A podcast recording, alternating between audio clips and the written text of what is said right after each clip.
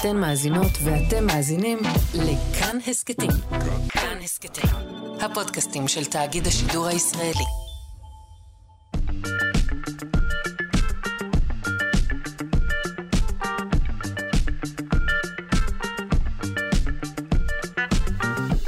שלושה שיודעים. האם יש חיים בחלל? ואם כן, מתי נמצא אותם? Uh, על השאלות האלו ינסה לענות uh, בשעה הזו הפרופסור עמרי ונדל, שכבר תופס את מקומו באולפן שלנו.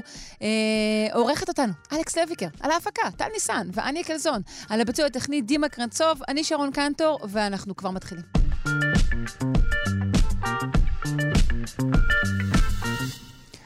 החיפוש אחר חיים ברחבי היקום נמשך. בשעה הקרובה נשאל מה מחפשים, איפה מחפשים, מהם הסיכויים למצוא, וגם מה הם בעצם חיים. איתי באולפן נמצא פרופסור עמרי ונדל, אסטרופיזיקאי, אסטרוביולוג וחוקר חורים שחורים ממכון רקח לפיזיקה באוניברסיטה העברית. בוקר טוב. בוקר טוב, שרון. שמחים מאוד שאתה פה איתנו.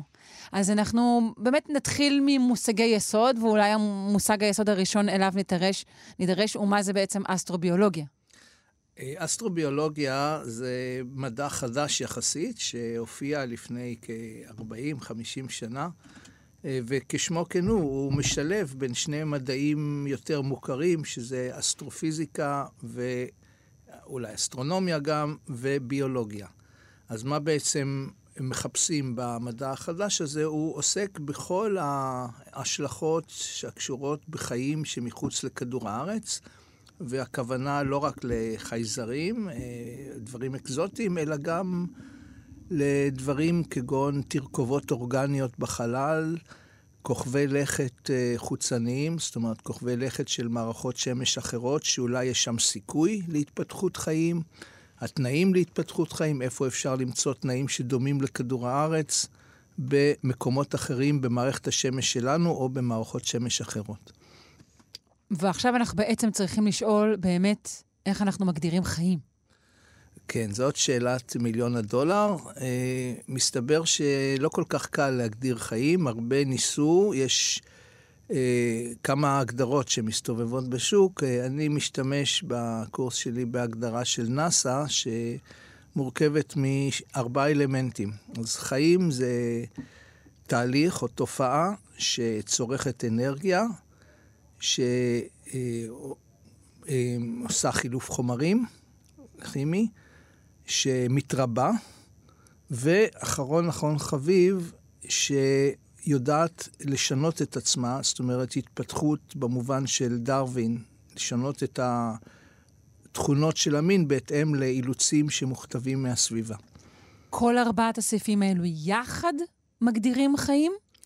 אה, כן, כיוון שאם אנחנו ניקח אה, רק אלמנט אחד, רק שלושה נגיד מתוך הארבעה, לדוגמה, אז אה, נגיד רק דבר שהוא מתרבה, שגורם לריאקציות כימיות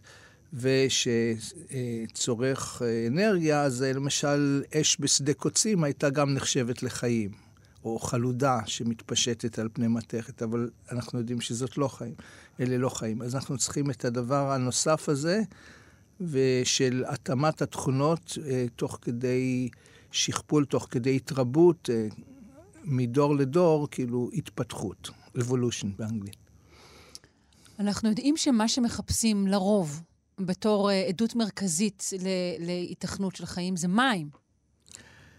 אה, כן, את צודקת בהחלט. אה, אנחנו אה, משתמשים בטכניקה שנקראת חיפוש מתחת לפנס. אנחנו לא מכירים סוג אחר של חיים חוץ מחיים שיש בכדור הארץ.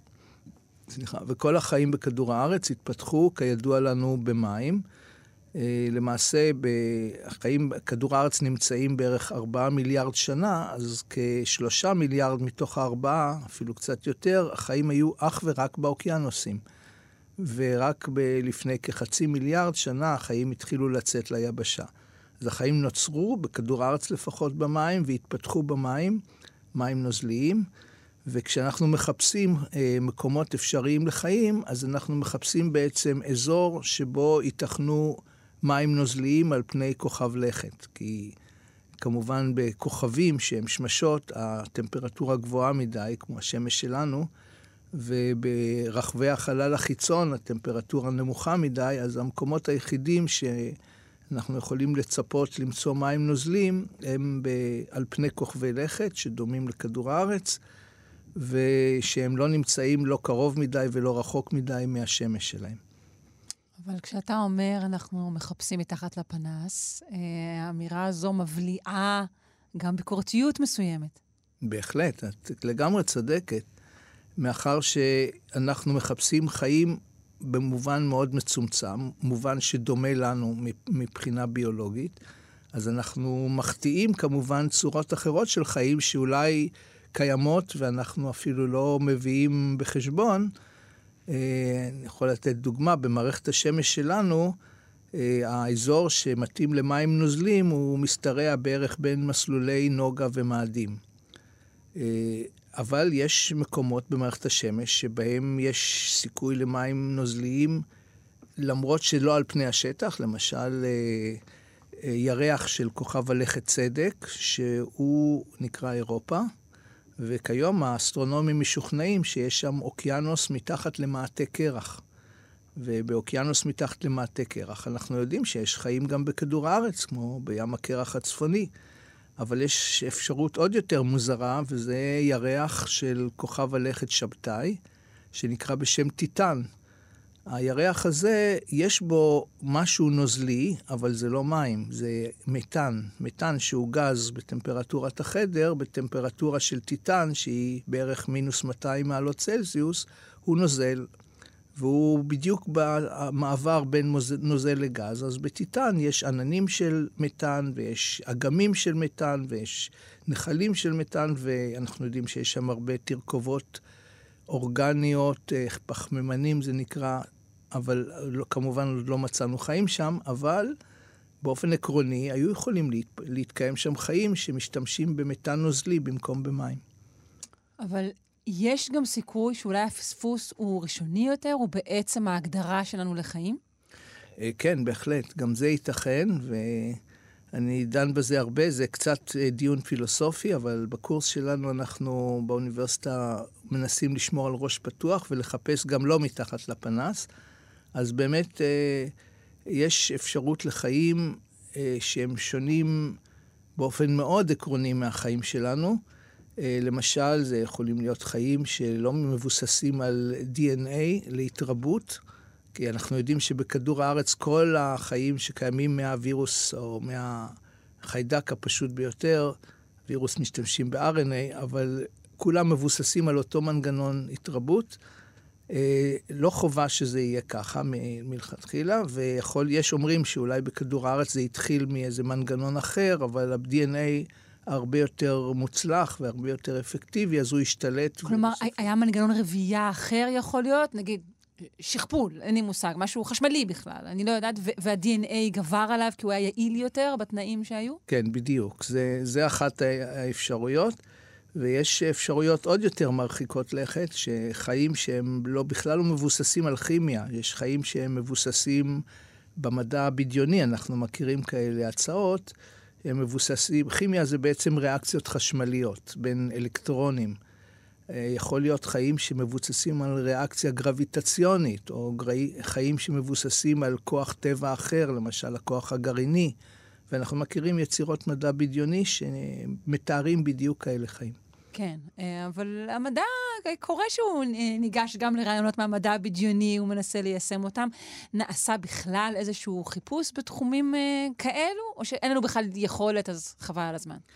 אז השאלה מה זה חיפוש. אה, אני, עוד מעט נדבר על חיפוש אחר תבונה, ואז נוכל כן. לדבר על משהו אחר, אבל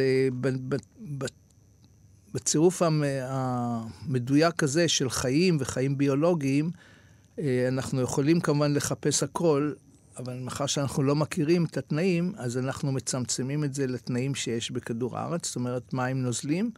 והיה, אם יש חיים אחרים, אז כמובן יהיו יותר מקומות, אבל אנחנו מצמצמים את זה כיוון שאלה הכלים שאנחנו מכירים. כן, וגם אולי לא נוכל לזהות בכלל. אה, חיים כאלו, חיים שהם אחרים באמת. נכון מאוד. אה, למשל, יכול להיות חיים, יכולים להיות חיים שקצב ה... המחיה שלהם הוא כל כך איטי, שאנחנו נראה אותם, נחשוב שזה סלע, וזה זז נגיד פעם במאה שנה, אז לא נזהה אותם בתור חיים. יכול להיות גם ההפך, חיים שהם מאוד מהירים, והם דור שם נמשך כמה שעות, כמו פרפרים מסוימים בכדור הארץ, או כמה שניות, ואז אנחנו בדיוק לא מסתכלים, אז אופס, נגמר דור ולא ראינו אותו. אה, יש אה, באמת אה, אפשרות אחרת לדבר על חיים כשאנחנו מדברים על תבונה שנוצרת על ידי חיים, כמו שאנחנו מייצרים כל מיני דברים, ואז באמת לא חשוב בדיוק ממה מורכבים החיים שיוצרים את זה, מבחינתנו זה יכול להיות גם בינה מלאכותית שיוצרת את התבונה הזאת. כאן אנחנו עושים את ההבדל בין חיים לבין אה, חיים תבוניים? כלומר, ייתכן שאנחנו נפגוש במשהו שהוא אות תרבותי כלשהו? זה מה שאתה מתכוון? אה, כן, בהחלט. אה, בדיוק שמת את האצבע על הנקודה החמה שמדברים עליה היום. יש לנו שתי אה, זרועות או שני כיוונים אה, שבהם מחפשים את החיים. חיפוש אחד זה חיפוש אחר כוכבי לכת שדומים לכדור הארץ, שיש להם סיכוי למים נוזלים, ואולי חיפוש של חתימות חיים, אה, מולקולות שמאפיינות חיים בכדור הארץ, אולי נמצא אותם בכוכבי לכת של מערכות שמש אחרות. זה דברים שנעשים באמצעות אה, טלסקופים כמו ג'יימס ווב. אה, יש תכנונים לטלסקופים גדולים מאוד על פני כדור הארץ שיעשו את אותו דבר. אבל זה מאוד קשה, כיוון שזה חתימה ספקטרלית, זה נקרא, מאוד מאוד עדינה, וכוכבים האלה, כוכבי הלכת במערכות שמש אחרות, הם מרחקים קשים לתפיסה בדמיון שלנו, אז מאוד קשה אה, לשים את האצבע על זה. הכיוון השני זה חיפוש אחר סימני התבונה שחיים, שמגיעים לדרגה כמו שאנחנו, ואולי יותר, אה, עלולים או עשויים להפיץ בחלל. והכוונה היא בעיקר לגלים אלקטרומגנטיים, בעיקר גלי רדיו, שאנחנו מייצרים כבר באופן רצוני או לא רצוני כבר מזה מאה שנה. אנחנו משתמשים בזה לתקשורת על פני כדור הארץ, אבל גלי הרדיו האלה גם דולפים לחלל, ובאופן עקרוני, תרבות עם אה, כישורים מספיק גדולים יכולים לגלות את גלי הרדיו האלה, אז גם זה הולך בכיוון הפוך. אנחנו אולי...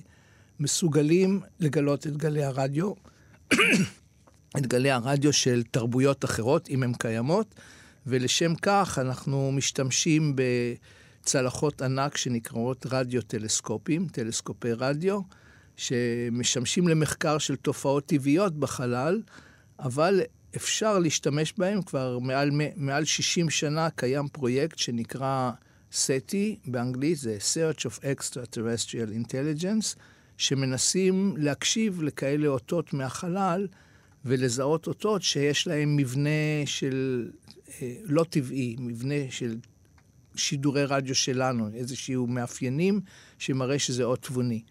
ולצורך העניין הזה באמת לא משנה לנו איך מבחינה ביולוגית או מבחינה כימית נראה היצור שיוצר את גלי הרדיו האלה, כמו שאמרתי קודם, זה יכול להיות גם רובוטים או יצורי בינה מלאכותית שאין להם גוף בכלל. וכמובן שאם הם גילו את האותות שלנו, הם לא בהכרח גילו לנו את הגילוי. כן, אז אה, זה מביא אותנו לשדה חדש של אה, ויכוחים והשערות. אז קודם כל, בשדה הזה של סטי, של חיפוש אחר גלי רדיו תבוניים, אז יש אה, מונחים, שאחד המונחים נקרא הדממה הגדולה, The Great Silence, וזה בעצם שאלה, אם יש עוד תרבויות חוץ מאיתנו, כבר היינו צריכים לגלות את, לפחות את שידורי הרדיו שלהם. כן. אה, אחר כך נדבר על פרדוקס פרמי, שזה נכון. אותו דבר לגבי גופים או חלליות שהיו אמורים להגיע אלינו, אבל לפחות את שידורי הרדיו שלהם היינו צריכים לגלות. ואם לא גילינו, אז יכול להיות שהם לא קיימים. זאת אומרת שאנחנו התרבות היחידה שמשדרת, ויש עוד הרבה עיסוקים בדבר הזה.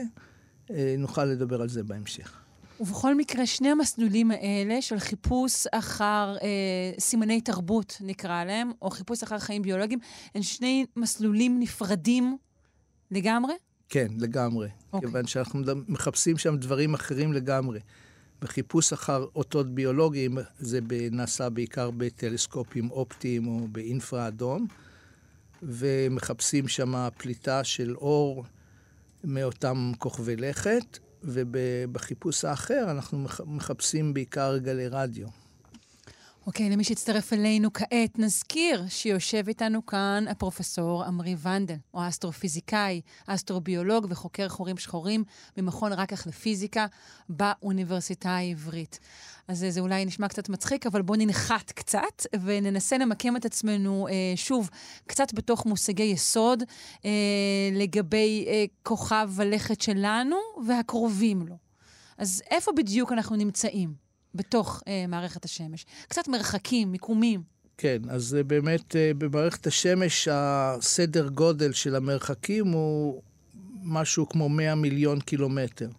המרחק שלנו מהשמש, אה, שנקרא יחידה אסטרונומית בפי האסטרונומים, זה 150 מיליון קילומטר. אה, המרחק שלנו לכוכבי הלכת הקרובים אלינו, מאדים ונוגה, כשהם קרובים אלינו, אה, גם בסדר גודל של 100 מיליון קילומטר. ומערכת השמש כולה היא כמובן הרבה יותר גדולה, עד אה, צדק, שבתאי, נפטון ואורנוס מגיעים למרחקים של מיליארדי קילומטרים. אז למאדים ולנוגה אנחנו יודעים שלוקח לחללית כמה חודשים להגיע. אה, כמה לוקח לכוכבים הרחוקים יותר? כוכבי הלכת הרחוקים יותר? אה, זה לוקח כמה שנים, כן. תלוי כמובן באיזה מהירות התחלתית אנחנו נותנים לחללית הזאת, יש כל מיני שיטות, אבל באמת למאדים, שזה הכוכב הלכת שבו ביקרנו הכי הרבה, ויש הרבה משימות שיוצאות אליו, לוקח כשמונה וחצי חודשים בכיוון אחד. טוב, זה גם כן לא מעט. אה, בהתחשב באורח חיים של, של בן אדם, זה הרבה מאוד. כן, כמובן. וגם כשמדברים על אורך החיים של בן אדם, זה משהו שהוא הרף עין מבחינה אסטרונומית. ואם אנחנו מדברים על מסע, או מנסים לדמיין לעצמנו מסע לכוכבים אחרים, שהם מערכות שמש אחרות, בחלליות שיש לנו היום, זה משהו שייקח אה, סדר גודל של 100 אלף שנים, אז ברור שזה לא מעשי לשלוח לשם אסטרונאוטים. מעניין. אני חושבת אה, עליך כחוקר של התחום בהקשר הזה, כי גם החוקרים הרי הם בני אדם, ואורח החיים שלכם הוא אורך של חיי אדם, ואתם נדרשים כל הזמן לחשוב ולעסוק במושגים של זמן אה, ארוך כל כך. אז אה, זה באמת קל, כי אני מלמד את הקורס הזה כבר הרבה שנים, והדבר הראשון שאני אומר לסטודנטים, אם אני אתן לכם מושג על כמה גדולים המרחקים בחלל וכמה זמן לוקח לעבור אותם, אז כבר עשיתי חצי ממה שרציתי. ובאמת, הנושא הזה, אנשים לא, לא מבינים למעשה מה המשמעות של שנות אור. הכוכבים הקרובים ביותר אלינו הם בארבע עד עשרה, עשר שנות אור, אבל שנת אור זה מרחק כל כך גדול, שלוקח אה, מאות אלפי שנים לעבור אותו בחללית שאנחנו, מהסוג שאנחנו מכירים. אז אם אנחנו לא נגלה חללית או נבנה חללית שהרבה יותר מהירה, אז פשוט אין לנו סיכוי להגיע לשם, ואולי גם לא צריך להגיע לשם, כי האור משם מגיע אלינו, ואת רוב המחקר אנחנו עושים מניתוח האור שמגיע אלינו, ולא פיזית להגיע לשם ולבדוק אם יש שם... כן, זהו, חיים. אבל ניתוחי קרקעות ודברים כאלה שכבר עושים, נגיד, במאדים, זה אנחנו לא יכולים לעשות במערכות שמש אחרות. נכון מאוד. אז יש דברים שבמערכת השמש שלנו קשה, אבל קל יחסית למערכות שמש אחרות לעשות. ויש דברים שאנחנו, שיטות, למשל על ידי ניתוח האור, שאיתם אנחנו יכולים ללמוד הרבה מאוד על אותם כוכבי לכת מרוחקים מאוד, בלי להגיע לשם בכלל, רק הודות לאור שמגיע אלינו. בוא נזכור כעת אה, ביחד, כלומר, אתה תזכור ואני אהנהן, אה, את כל המציאות, האי-מציאות, ההשערות, בכל האזור הקרוב לנו. איפה יש סיכוי, איפה אין סיכוי, איפה עוד בודקים. אה, הכוונה למערכת השמש. כן, כן, בוודאי. אה, אמרנו כן. שהשאר זה רחוק. אה, כן, זה רחוק אבל לא בלתי אפשרי. אבל זה באמת נקודה טובה מאוד להתחיל, מערכת השמש שלנו. אז אה, בואו נתחיל בעצם מהמושג מים נוזלים. איפה יכולים להיות מים נוזלים? אז אפשר לחשב אה, בצורה פשוטה יחסית מה הטמפרטורה על פני כוכב לכת עם נתון המרחק שלו מהשמש. ולפי החישוב הזה, אז יצא שנוגה, כדור הארץ ומאדים נמצאים בתוך האזור שאני קורא לו האזור הישיב, זה תרגום מאנגלית של ה-habitable zone, או אזור זהבה, על שם זהבה ושלושת הדובים. אזור שאפשר בעצם להיות בו? זה אפשר, אה, התרגום המילומי, המילולי זה אזור שניתן להתיישב בו. אוקיי. או אפשר לחיות בו. אזור שייתכנו בו חיים. שייתכנו בו חיים. וזה האזור שהוא אה, באזור, כוכבי לכת שנמצאים באזור הזה, במערכת השמש שלנו, אז זה כאמור נוגה, ארץ ומאדים, במערכות שמש אחרות גודל האזור תלוי בעוצמת אותה שמש, אבל באזור הזה כוכב לכת שנמצא יכול בעיקרון לקיים מים נוזליים על פני השטח.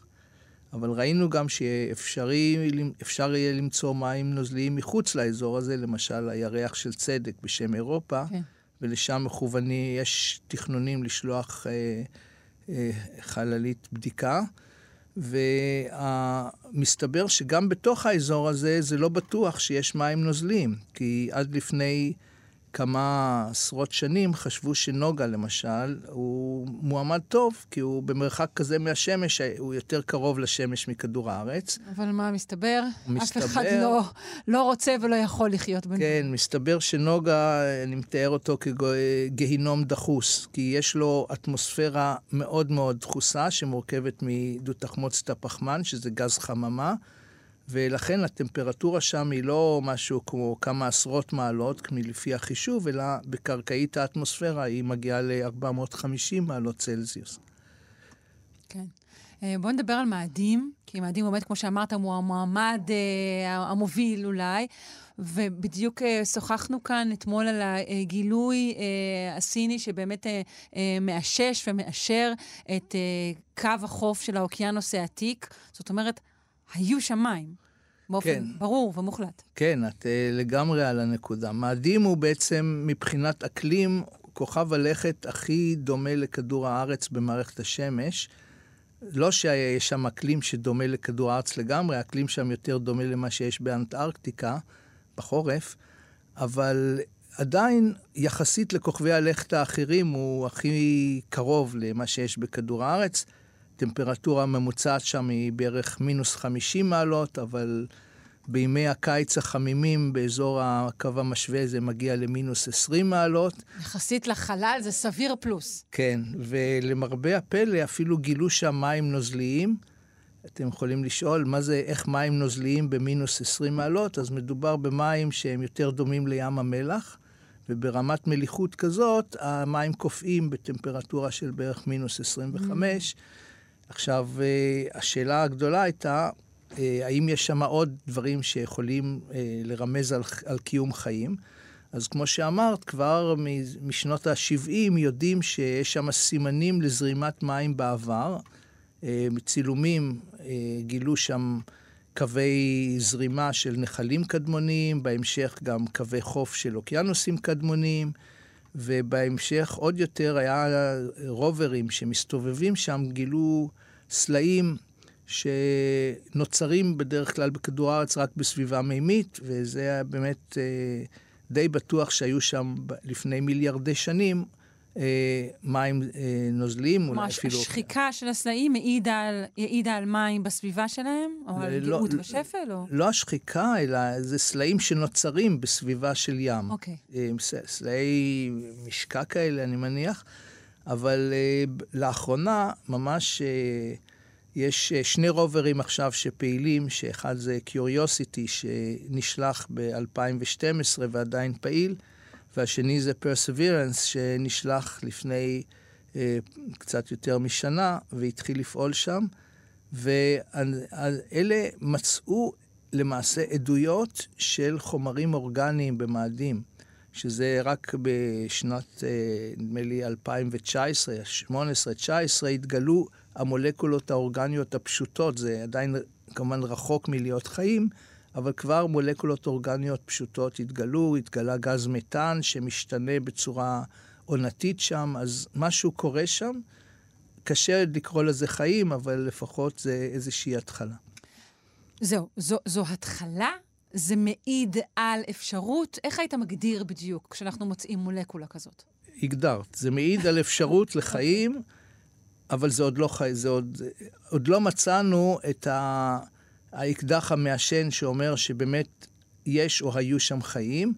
אה, אולי בהסתייגות אחת, שבשנות ה-90 התגלה מטאוריט באנטארקטיקה, אה, חלק מסדרת מטאוריטים שהגיעו ממאדים, את זה אנחנו יודעים בוודאות בגלל הרכב הגזים בתוך בועיות קטנות באותו מטאוריט, אבל בסריקה של מיקרוסקופ אלקטרוני גילו שם אה, מין אה, מבנה שמזכיר לנו יצור מיקרוסקופי שהיה בכדור הארץ, בתחילת החיים שם. ואז אומרים, אולי אלה חיים מאובנים שנוצרו במאדים ונכלאו, התאבנו, הגיע, הגיעו למטאוריט הזה שהוא עף לכדור הארץ ואנחנו מוצאים אותו היום. אה, רוב המדענים כיום סבורים שזה משהו אחר, שזה מין אה, צורה גבישית שלא קשור לחיים, אבל יש עדיין מיעוט של מדענים שמשוכנע שזה יכול להיות חיים קדומים שהיו במאדים. מה אנחנו משערים שקרה למים האלה שבמאדים? שוב, אנחנו מדברים על זה שהיה שם אוקיינוס. מה קרה לו? כן, אז מאדים אה, הוא דומה לכדור הארץ, אבל יש כמה אה, ש, ש, אה, קווי שוני שגרמו למים האלה להתאדות ולהיעלם, ולמעשה גם לרוב האטמוספירה שלו להיעלם. אז קודם כל, מאדים הוא יותר קטן מכדור הארץ, וכוח הכובד שלו יותר קטן משמעותית. אם היינו על מאדים, המשקל שלנו היה רק 40 אחוז מהמשקל שלנו בכדור הארץ. אז אה, לנו, אולי לחלקנו זה היה דווקא טוב, אבל הגזים שמרכיבים את האטמוספירה זה פחות טוב, והאטמוספירה של מאדים הלכה ונשחקה, הלכה ועזבה את פניו. אה, כיום האטמוספירה של מאדים היא פחות מאחוז אחד מהאטמוספירה של כדור הארץ, ובהיעדר אטמוספירה גם הטמפרטורה צונחת והמים מתאדים יותר בקלות.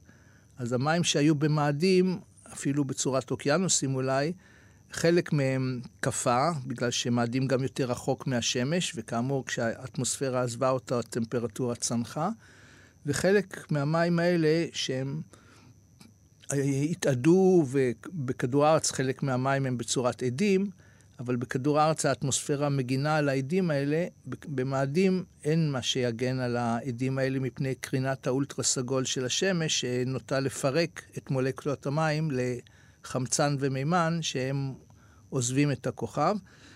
וכך יצא שבסופו של דבר מאדים נותר אה, חסר מים, או כמעט חסר מים. אז זו פונקציה של הגודל שלו. בעצם. של כוח המשיכה על פניו, כן. ש- ש- שהוא תוצאה אה, בעצם של הגודל.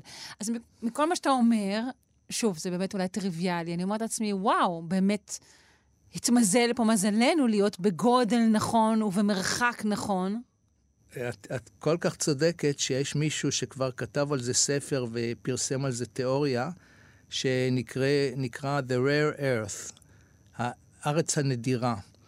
וזה כשאנחנו עושים את השאלה אה, המפורסמת, האם אנחנו לבד, למה לא גילינו סימנים של מישהו אחר, של תרבות אחרת, של חיים אחרים, אז uh, יש כל מיני הסברים. אחד ההסברים אומר שאנחנו אכן לבד, וזה בגלל שכדור הארץ הוא מאוד מיוחד.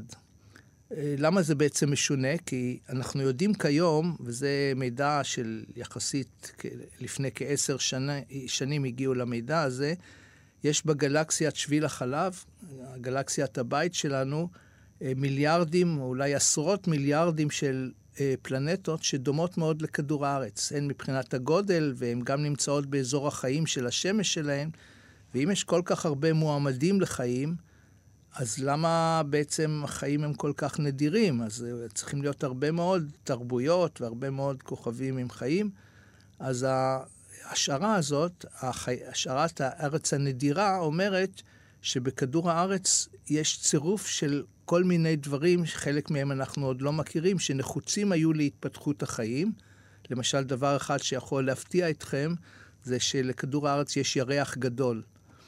הירח של כדור הארץ הוא גדול הרבה יותר באופן יחסי לכוכב הלכת שלו, מכל הירחים שבכל מערכת השמש שלנו. והירח הגדול הזה הוא, בין השאר הוא מייצב את הסיבוב שלנו, את ההקפה שלנו, את תנועות כדור הארץ, וגם אה, היה עשוי להגן עלינו מפני פגיעה של יותר מדי אה, אסטרואידים ומטאוריטים בשלב הראשוני של מערכת השמש. אז יכול להיות שירח גדול זה דבר נדיר יחסית. ואולי, הם אומרים, יש עוד כל מיני צירופים של דברים שאנחנו אפילו לא יודעים, וכדור הארץ הוא צירוף מקרי מאוד מאוד ממוזל, ובכל הגלקסיה, מכל מיליארדי מערכות השמש האלה, אמ, בשביל החלב יש כ-200 מיליארד מערכות שמש. אה, כדור הארץ הוא היחיד, או כמעט היחיד, שהיה בו את צירוף התנאים המיוחד הזה.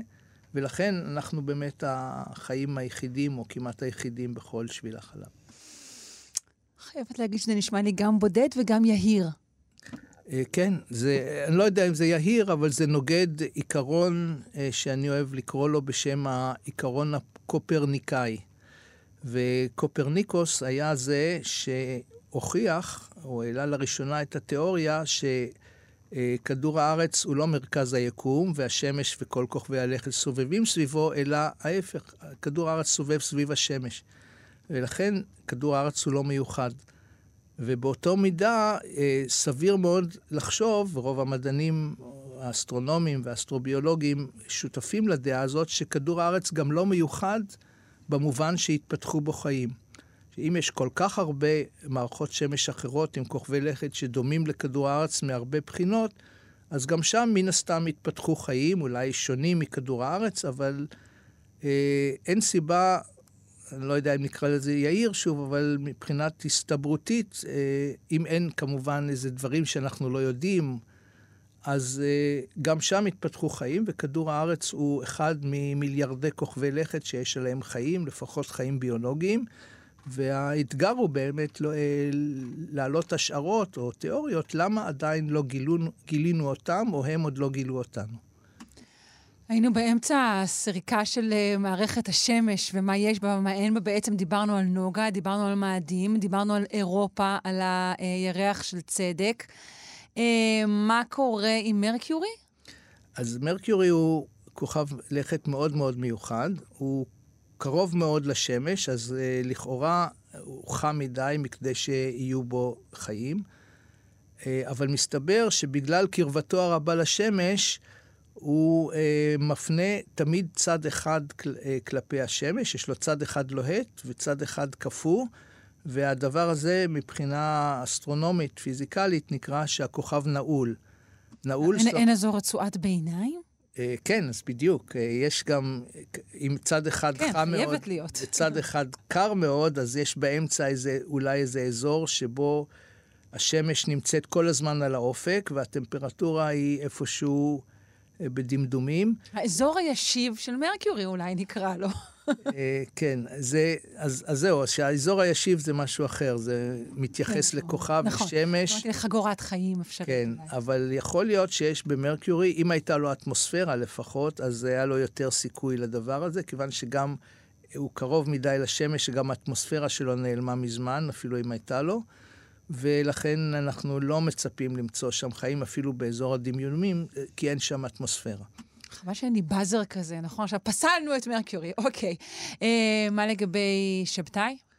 אה, שבתאי, הכל פתוח. אה, הבעיה עם צדק ושבתאי, שבעצם אין להם קרקע לעמוד עליה. זה כוכבי לכת גזיים, גם נפטון ואורנוס.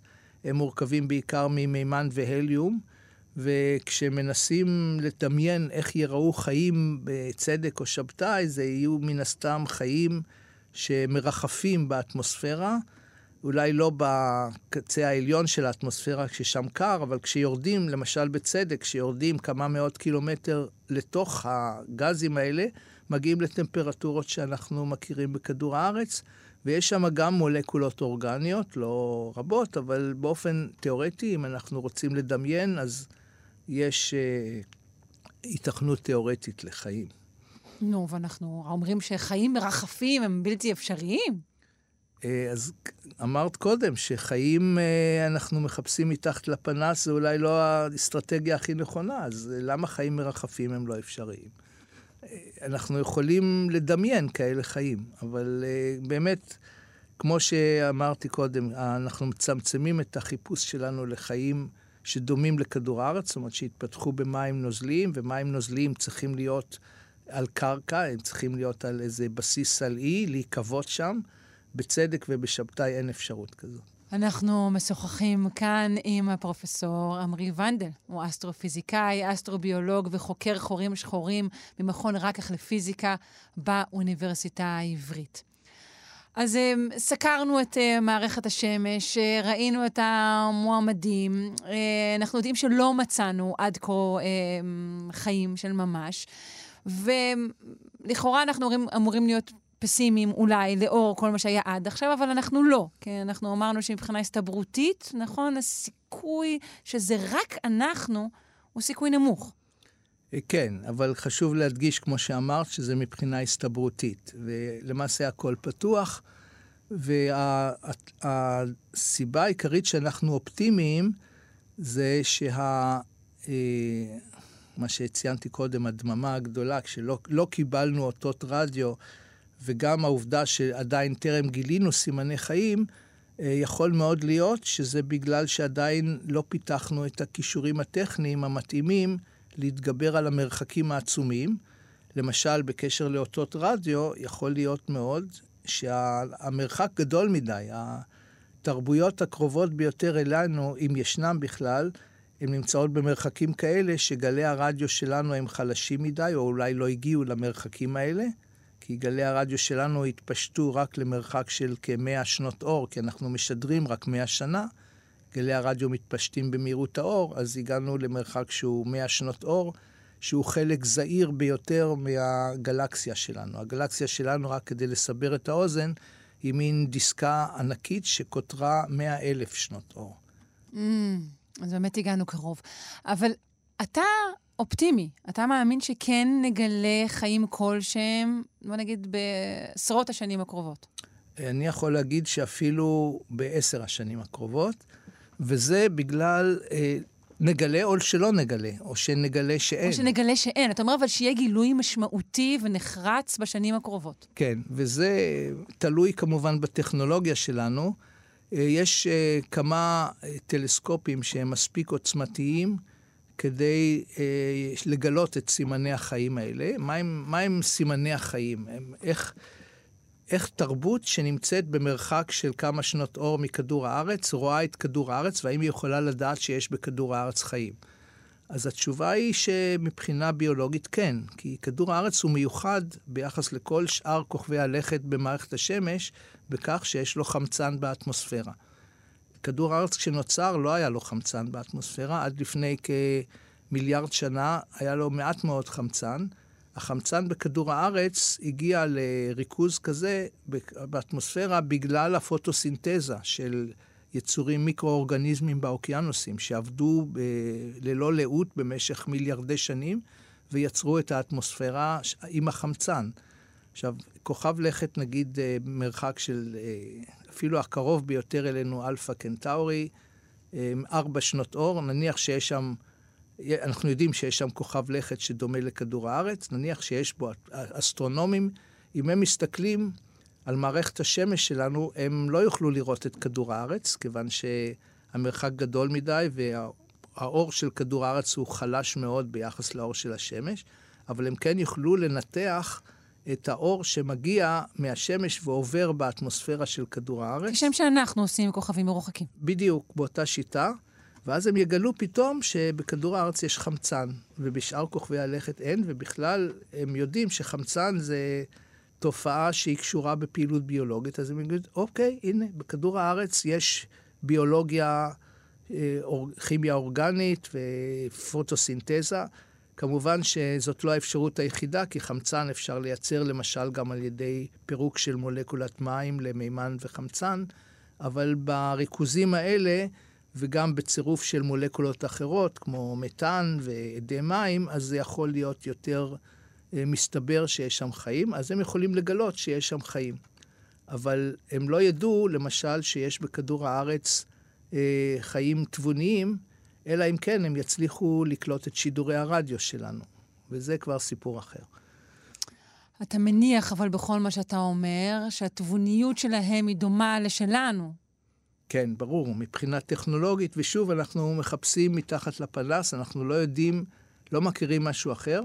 יכול להיות שיש להם אה, טלסקופים הרבה יותר עוצמתיים משלנו, יכול להיות שיש להם פילוסופיית חיים שונים, שונה מאיתנו, ואם הם גילו אותנו, הם לא ירצו להתגלות בפנינו ולא ישלחו לנו איזה אות מכוון שאנחנו נוכל לקלוט ביתר אה, פשטות, או מהסיבה שהם לא רוצים להתערב בהתפתחות שלנו, הם רוצים, זה השערה שנקראת השערת גן החיות, שאומרת שיש תרבויות שמכירות אותנו, אבל כמו שאנחנו חוקרים איזשהו מין שמתפתח ולא רוצים להתערב, אז הם גם.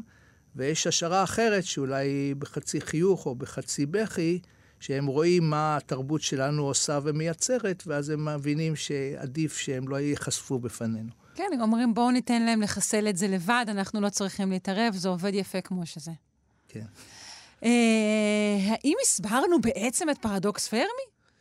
אז uh, באמת, קודם כל כדאי להסביר מה זה פרדוקס פרמי. אז כבר דיברנו על uh, הדממה הגדולה בקשר לשידורי רדיו, אז פרדוקס פרמי זה משהו דומה לזה, אבל מבחינה של uh, עצמים, חלליות, נחיתות, עב"מים וכולי. אז פרמי היה פיזיקאי מפורסם, חתן פרס נובל, שבשנת 1950, בשיחת צהריים אגבית עם עמיתים, אמר את המשפט Where are they all? והוא התייחס למאמר, נדמה לי שהם קראו בניו יורק טיימס באותו יום, על עב"מים והשערה שהם הגיעו מחוץ לכדור הארץ. הדבר הזה, איפה הם כולם, איפה החייזרים, בעצם אומר, אם יש עוד תרבויות של חייזרים סביבנו, אז הם כבר מזמן היו צריכים להגיע אלינו. והנימוק הוא די פשוט. אה, אחר כך בהמשך גם היו אה, מדענים שכתבו על זה מחקרים והוכיחו מבחינה מתמטית, פיזיקלית, שהיה להם את הפוטנציאל, אם היו עוד תרבויות, היה להם עוד את הפוטנציאל להגיע לכל כוכב בגלקסיה שלנו בזמן, במונחים אסטרונומיים לא גדול של כמה מיליוני שנים. והנימוק מאחורי זה, זה כמו הנימוק שעומד בהיסטוריה של כדור הארץ. אנחנו יודעים שכל תרבות שצמחה בכדור הארץ, כל אימפריה שצמחה, בסופו של דבר התפשטה לכל מקום שהיא יכלה. אז התרבות האירופאית הגיעה לעולם החדש וכבשה אותו וחיפשה שם משאבים וכולי. אז אה, אם יש, ההנחה היא שבבסיס של פרדוקס פרמי אומרת שאם יש תרבויות אחרות, אולי אפילו תרבות אחת כזאת בכל הגלקסיה שלנו, היא, היא תתפשט, היא תשלח, אם היא מגיעה לכושר, תיסע בחלל, אולי קצת יותר ממה שיש לנו היום, היא תתפשט, היא תשלח, אה, ת, תייסד מושבות, המושבות האלה יתפשטו עוד וכולי, ותוך כמה מיליוני שנה הם יישבו כל פלנטה אפשרית אה, שמתאימה ליישוב בגלקסיה. אבל אנחנו יודעים שאלינו עוד לא הגיעו, לפחות אם אנחנו לא ניקח ברצינות כל מיני תיאוריות אה, על רוזוול וכאלה, עב"מים שהגיעו אלינו מבחוץ וכולי, אבל אין הוכחה מדעית לזה. אז אם הם לא הגיעו אלינו, אז האם אנחנו התרבות היחידה בגלקסיה, או התרבות הראשונה בגלקסיה? וכאמור, יש הרבה מאוד, אה, כאילו, הסברים לפרדוקס פרמי, למה זה לא... אחד מהם הוא הזמן, נכון? שהוא, שזה פשוט הרבה מאוד זמן, אולי כן היו, אולי כן יהיו.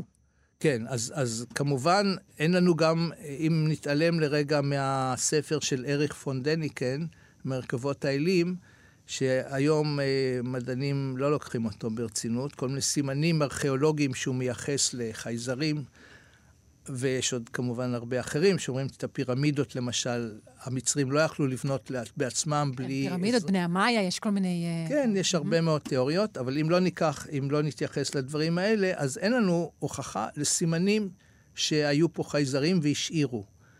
לא נדבר אפילו על, העובד, על האפשרות שיכול להיות שהם השאירו רובוטים פה בסביבה שיפקחו, או ש... יש עוד הרבה תיאוריות. יש תיאוריה שאומרת שאנחנו בעצם הם אה, אנחנו החייזרים. היה גזע חייזרי שעובר בגלקסיה, מאתר מקומות מתאימים ליישוב, אה, משאיר שם את זרעו, ואנחנו התפתחנו מהזרע הזה, שהם כמובן לא נשארים מיליוני שנים שם לפקח על איך זה מתפתח, הם עוברים הלאה. כאמור, יש... אה, תיאוריות יש כחול אשר על שפת האוקיינוס העתיק של מאדים. אה, נכון, אפשר להגיד את זה, כן. אה, אוקיי, אבל, אבל בכל זאת, נגיד, אם אנחנו מדברים על, על עתיד, ייתכן מאוד שאולי יתגלו. כלומר, הפרדוקס פרמי אה, לא אומר שזה לא דבר שיקרה בעתיד.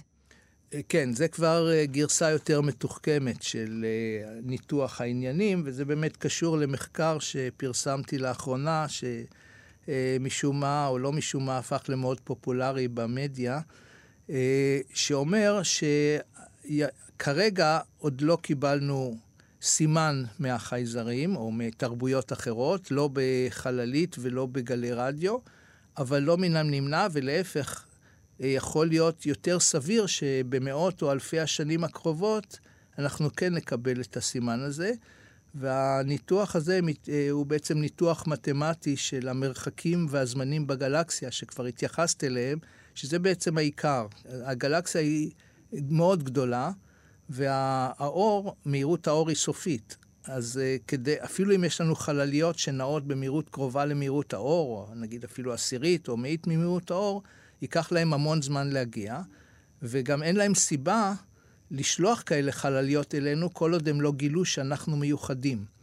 איך, אנחנו, איך הם יכולים לגלות שאנחנו מיוחדים? אז כבר אמרנו שכוכבי לכת עם ביולוגיה, עם uh, חיים ביולוגיים פשוטים, יש כחול אשר על שפת המאדים, כמו שאמרת. אבל uh, כוכבי לכת שהם יש להם שידורי רדיו, שיש להם אינטליגנציה, יכול להיות שהם יותר מיוחדים, ולכוכבי לכת כאלה החייזרים מכוונים שידורים מסוימים, אה, מכוונים, שיותר קל לנו לגלות, ואו אה, גם אה, גשושיות מחקר. הבעיה שנגיד החייזרים נמצאים במרחק של 500 שנות אור מאיתנו, הם עדיין לא יודעים שאנחנו מיוחדים, כי שידורי הרדיו שלנו הגיעו רק ל-100 שנות אור מאיתנו. כן. אבל עם הזמן, השידורים האלה הולכים ומתפשטים במהירות האור בגלקסיה, ובעוד כמה מאות שנים הם יקיפו כדור שקוטרו כמה מאות שנות אור. ואז יש סיכוי יותר טוב, לתר... אם יש תרבויות כאלה, שיגלו אותנו, ואז אולי ישלחו אלינו אות מכוון כזה, כמו בשיר, אה, ואנחנו נוכל לתקשר איתם. ואולי אפילו ישלחו אלינו חללית, אם יש להם חלליות מאוד מהירות, שנעות במהירות כאלה, אז גם זה לא מן הנמנע. כלומר, הסיכוי הולך וגדל. אה, הסיכוי התיאורטי הולך וגדל. כן. אתה עצמך מייחל לאות כזה, למפגש כזה? אה, אני חושב שכל אדם סקרן ועם אה, חזון אה, יכול... יש כמה אנשים שאולי מפחדים ממפגש כזה, אבל רוב האנשים, אני חושב, מייחלים, כי באמת זה הבסיס של השאלה האם אנחנו לבד ביקום.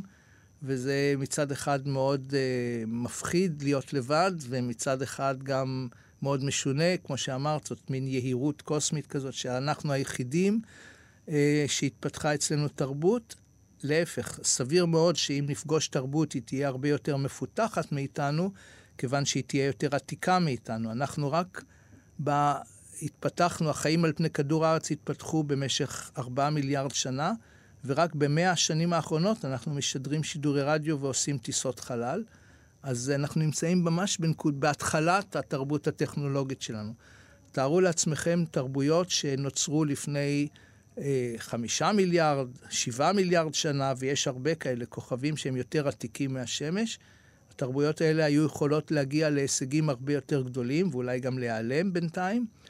ואם אנחנו נפגוש ונתקשר עם כזאת תרבות, אולי נוכל ללמוד ממנה הרבה דברים, למשל, איך לא להשמיד את עצמנו במאות השונות, השנים הקרובות. פרופסור עמרי ונדן, אסטרופיזיקאי, אסטרוביולוג וחוקר חורים שחורים, מכון רק כך לפיזיקה באוניברסיטה העברית. היה תענוג. תודה רבה לך על השיחה הזאת. כן, גם איתך, שרון, כמו תמיד. להתראות. תודה. ביי ביי.